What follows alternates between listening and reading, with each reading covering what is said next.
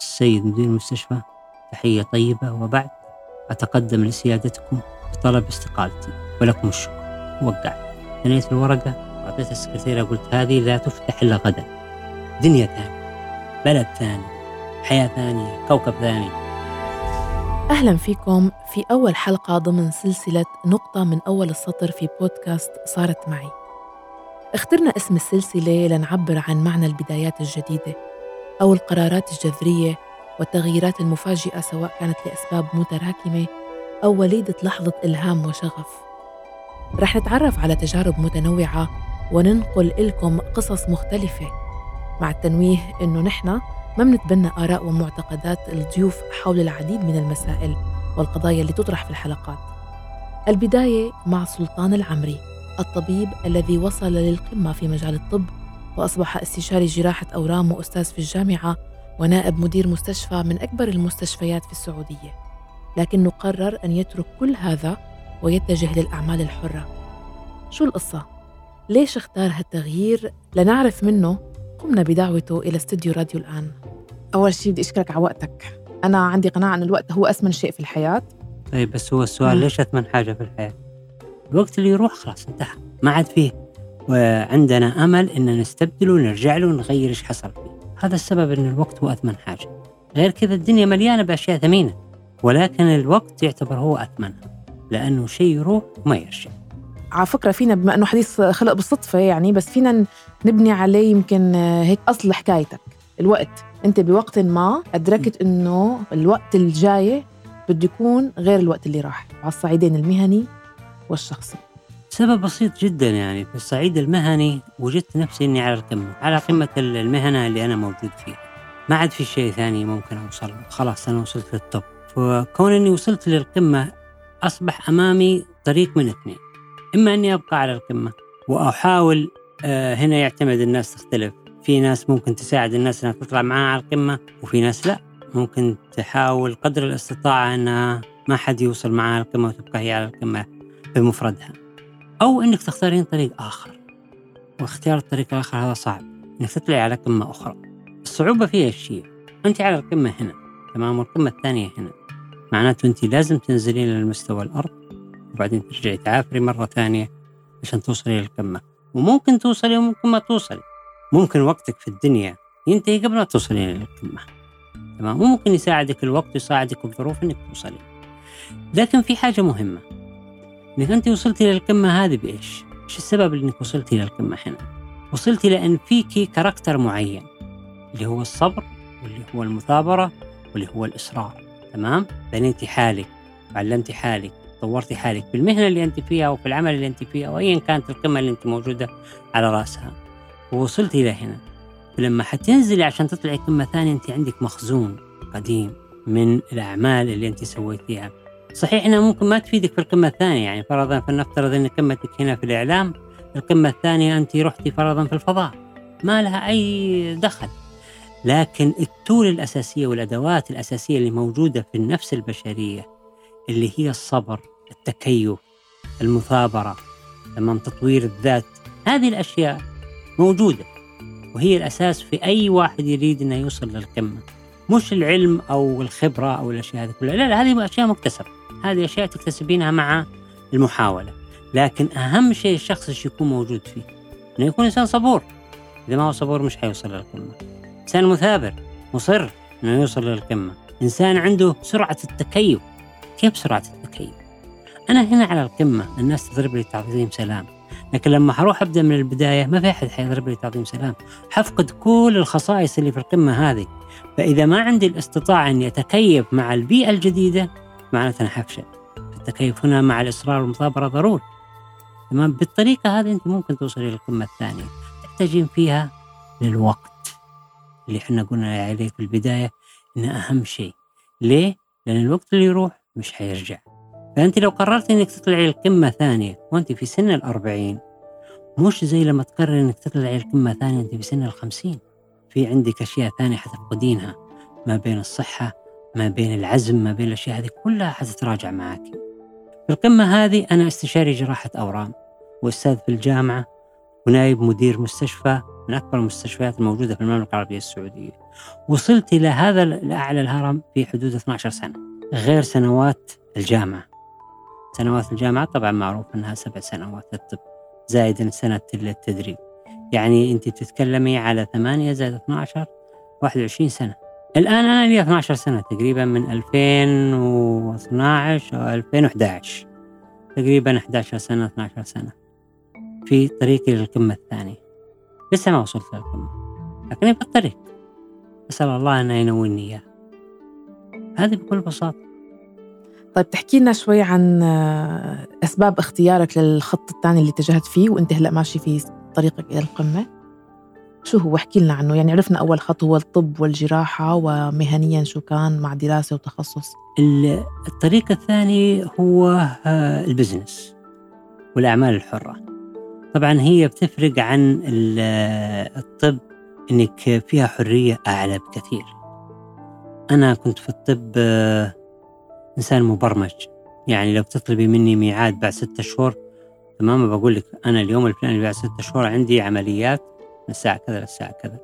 خط عملي لمدة سنة معروف.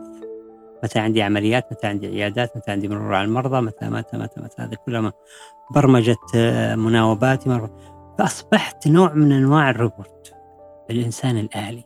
خلاص ما عاد في أي شيء جديد. نفس امبارح نفس اليوم. رفاهية التغيير غير متوفرة للجميع. البعض تحكمهم ظروف مادية عائلية واجتماعية. تمنعهم من اتخاذ خطوة مثل يلي اتخذها الدكتور سلطان. لهيك سألته عن الظروف يلي ممكن تكون ساهمت وشجعته على اتخاذ هذا القرار الجذري. من ناحية الطب تمام بنيت نفسي بنفسي. أنا أيام ما كنت في كلية الطب كنت بشتغل. بشتغل على أساس يكون في عندي دخل خاص فيني. ابتديت بشغل ذاك الوقت إحنا بنسميه آه نقل ال passenger من آه منطقة إلى منطقة. كنت بشتغلها في ال weekend. بعدين تطورت فتحت مكتب عقاري بعدين تطورت وفتحت شركة مقاولات وأنا في كلية الطب وتزوجت وأنا في كلية الطب. بعدها قررت أني كنت في جامعة الملك فيصل بالدمام قررت إني أروح لجامعة كراتشي بباكستان. السبب إنه في باكستان أتعرض المرضى أكثر من السعودية. يعني في السعودية إحنا قوانين وهذا وبوليسي وما بوليسي والمرضى عددهم قليل جدا. باكستان لا يعني إذا أنت تشوفي فرضا ثلاثة أربعة مرضى في اليوم في السعودية في باكستان تشوفين 300 400 فقررت إني أكمل آخر سنتين سريرية في باكستان. طلعت على باكستان جلست فعلا سنتين شفت فيها الطب كله. وذاك الوقت كنت بتعرض لنفس السؤال اللي بتسأليني إياه. ليش تخلي السعودية وتروح لباكستان وخطر ومدري وش حبيبي اطلع وشوف يا أخي. ليش أنت ماسك فيه؟ اطلع وشوف ممكن تلقى فرصة هناك أحسن. الفرصة اللي أنا شفتها هناك إن صحيح ما هي فرصة مادية لكن تعرضت إني شفت مرضى قد اللي شفتهم في السعودية ألف مرة وشفت أمراض لا يمكن أشوفها في السعودية. لما رجعت السعودية كنت متقدم على زملائي. يعني لما رجعت السعودية كنت بسوي فرضا بفتح لحالي بدون ما يكون معي أحد.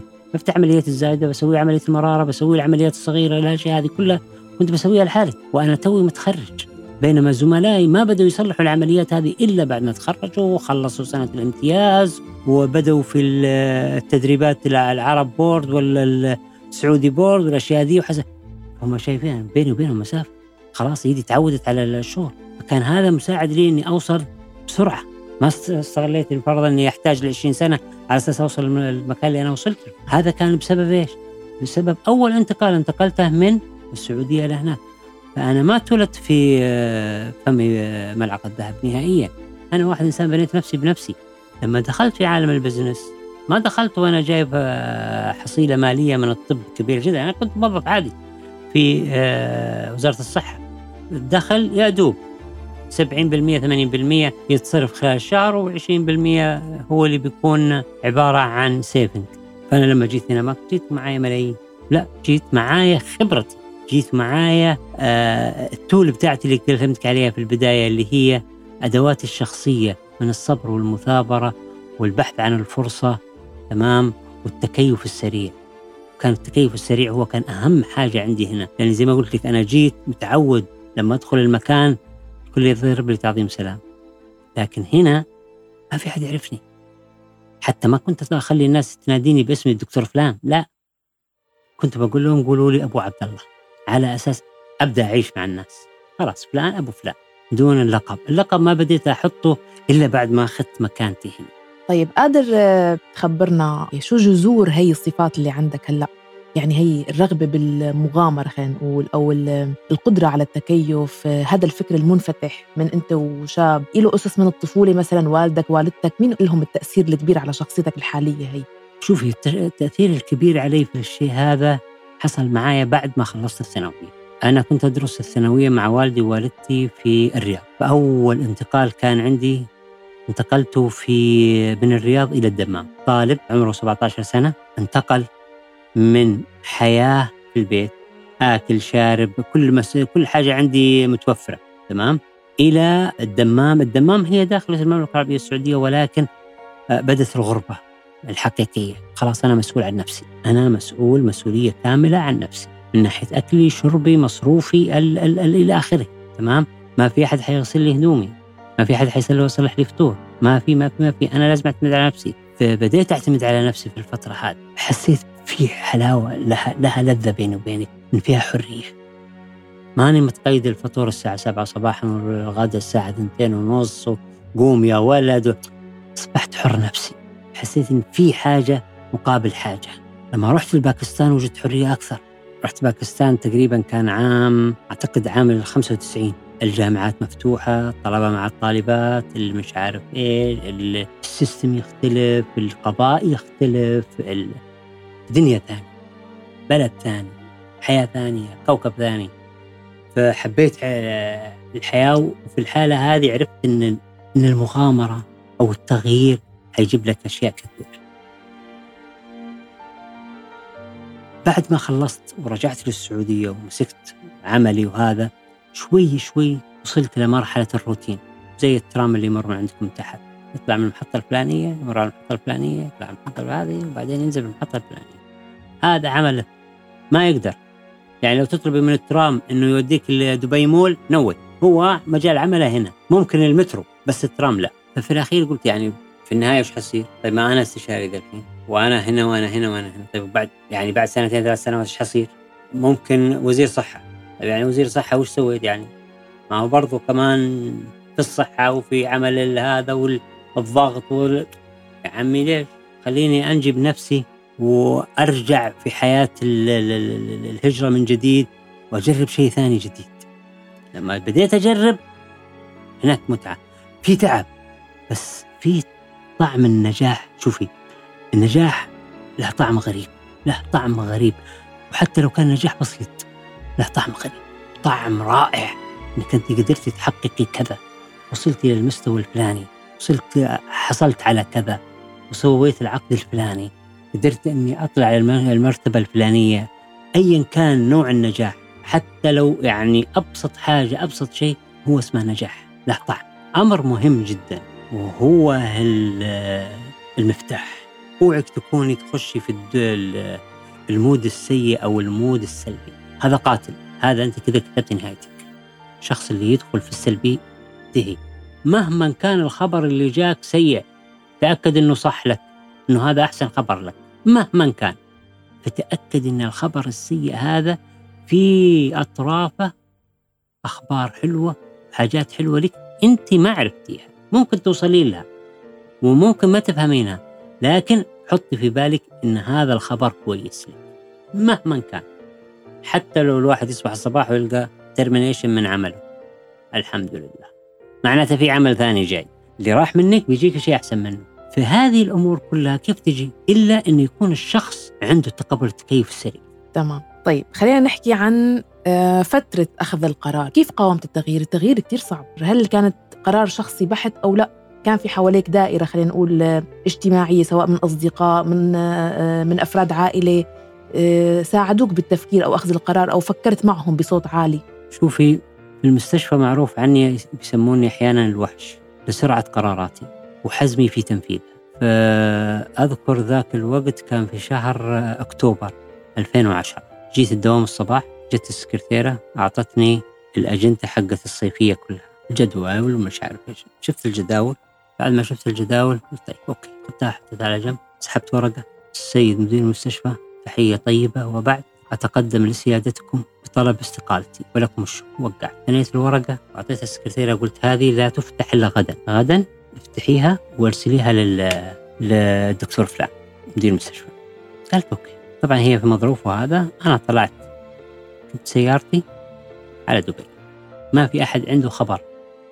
القرار. نهائي لا من الأسرة القريبة ولا من الأسرة البعيدة ما شاورت أحد. قلت بسم الله الرحمن الرحيم توكلت على الله.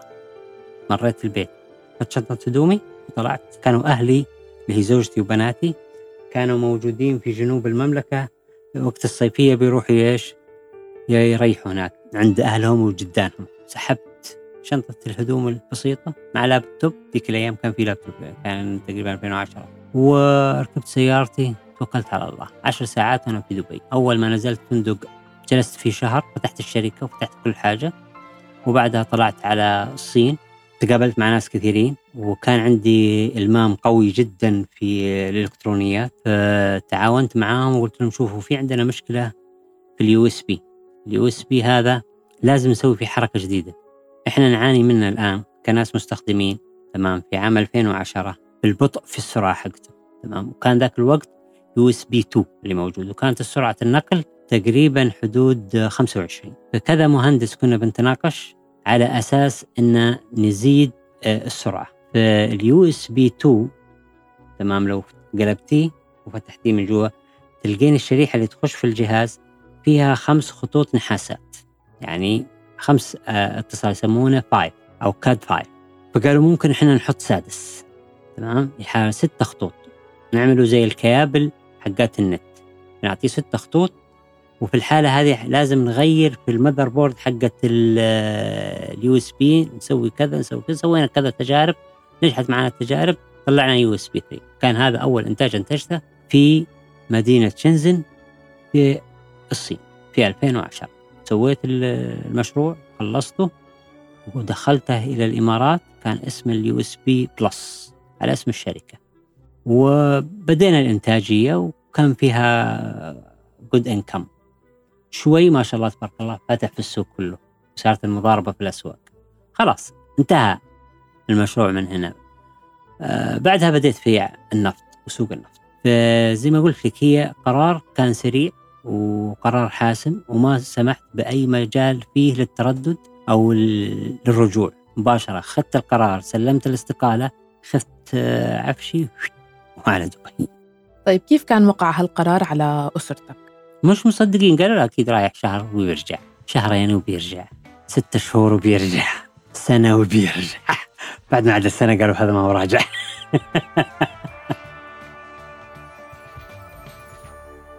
ليش ما فكرت تجيبهم؟ أجيب زوجتي هنا بناتي كلهم بيدرسوا في المدارس السعودية وزوجتي مديرة مدرسة في السعودية. فمعناته أنا بوقف الجيش هذا كله من شغله وعمله هذا أجيبه هنا معناته أبحمل قراري لناس ثانية. زوجتي حتخلي وظيفتها. ليش تتحمل قراري؟ ممكن قراري هذا يصيب وممكن يفشل.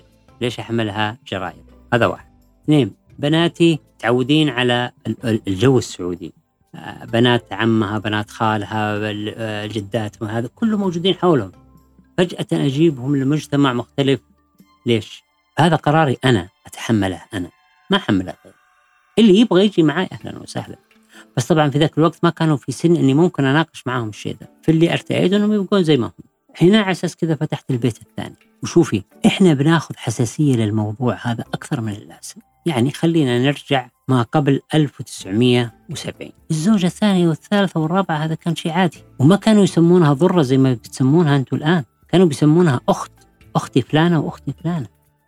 خلينا نقول الأعراض الجانبية لهالتغييرات اللي صارت طبعا حاجة زي كذا آه، حيكون فيها زي ما بنقول إحنا في لغتنا side effect أو فيها مشاكل. اولا فقدت كل الدعم الاجتماعي اللي بالسعودية. كيف؟ أنا موجود في السعودية عندي أصحابي، عندي قبيلتي، عندي أولاد عمي، الناس هذه كل المجتمع ذا كان كله حولي. لما جيت لهنا أصبحت لحالي، تحسي بغربة، تحسي بوحدة. بينما البلد هنا يشهد الله إنه يعاملك معاملة فوق الرائعه، لكن مهما كان حنو دوامة عمل على طول بطلع مع مين؟ لا في فلان ولا علان ولا ابن عم ولا ابن خال ولا ابن ما في إلا أصحاب والاصحاب هذول كلهم أصحاب مصالح. وغالبيتهم يوم الخميس والجمعة عندهم التزامات. هذه كانت واحدة من المشاكل الكبيرة. أنت في البحر الحالي إن نجيتي الناس حترفع لك الراية وتصفق لك. وإن طحتي حتكثر السكاكين أنت عارف إيش معنى هذا في المجتمع العربي؟ يعني هذا الشيء غير موجود في المجتمع الأوروبي فرضا لكن في مجتمعاتنا لا. يا ويلي.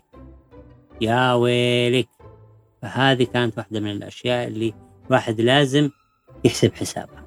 إنه يكون إنسان عنده عزيمة إن كلام الناس ما يأثر فيه. عشان كذا أرجع أقول لك إنه سر من أسرار النجاح في أي عمل تمام لا تنهاري أمام السلبيات.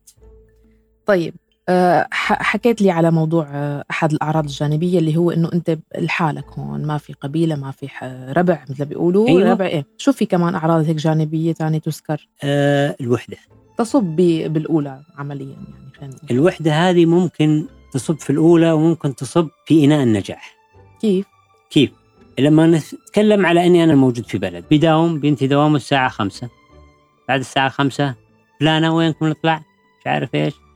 ست ساعات راحت في تجزير تمشيات وهذا مش عارف إيش. ويكند طلعنا البحر طلعنا مش عارف فين طلعنا البر زي ما بنقول حنا هذا إيش معناته وقت.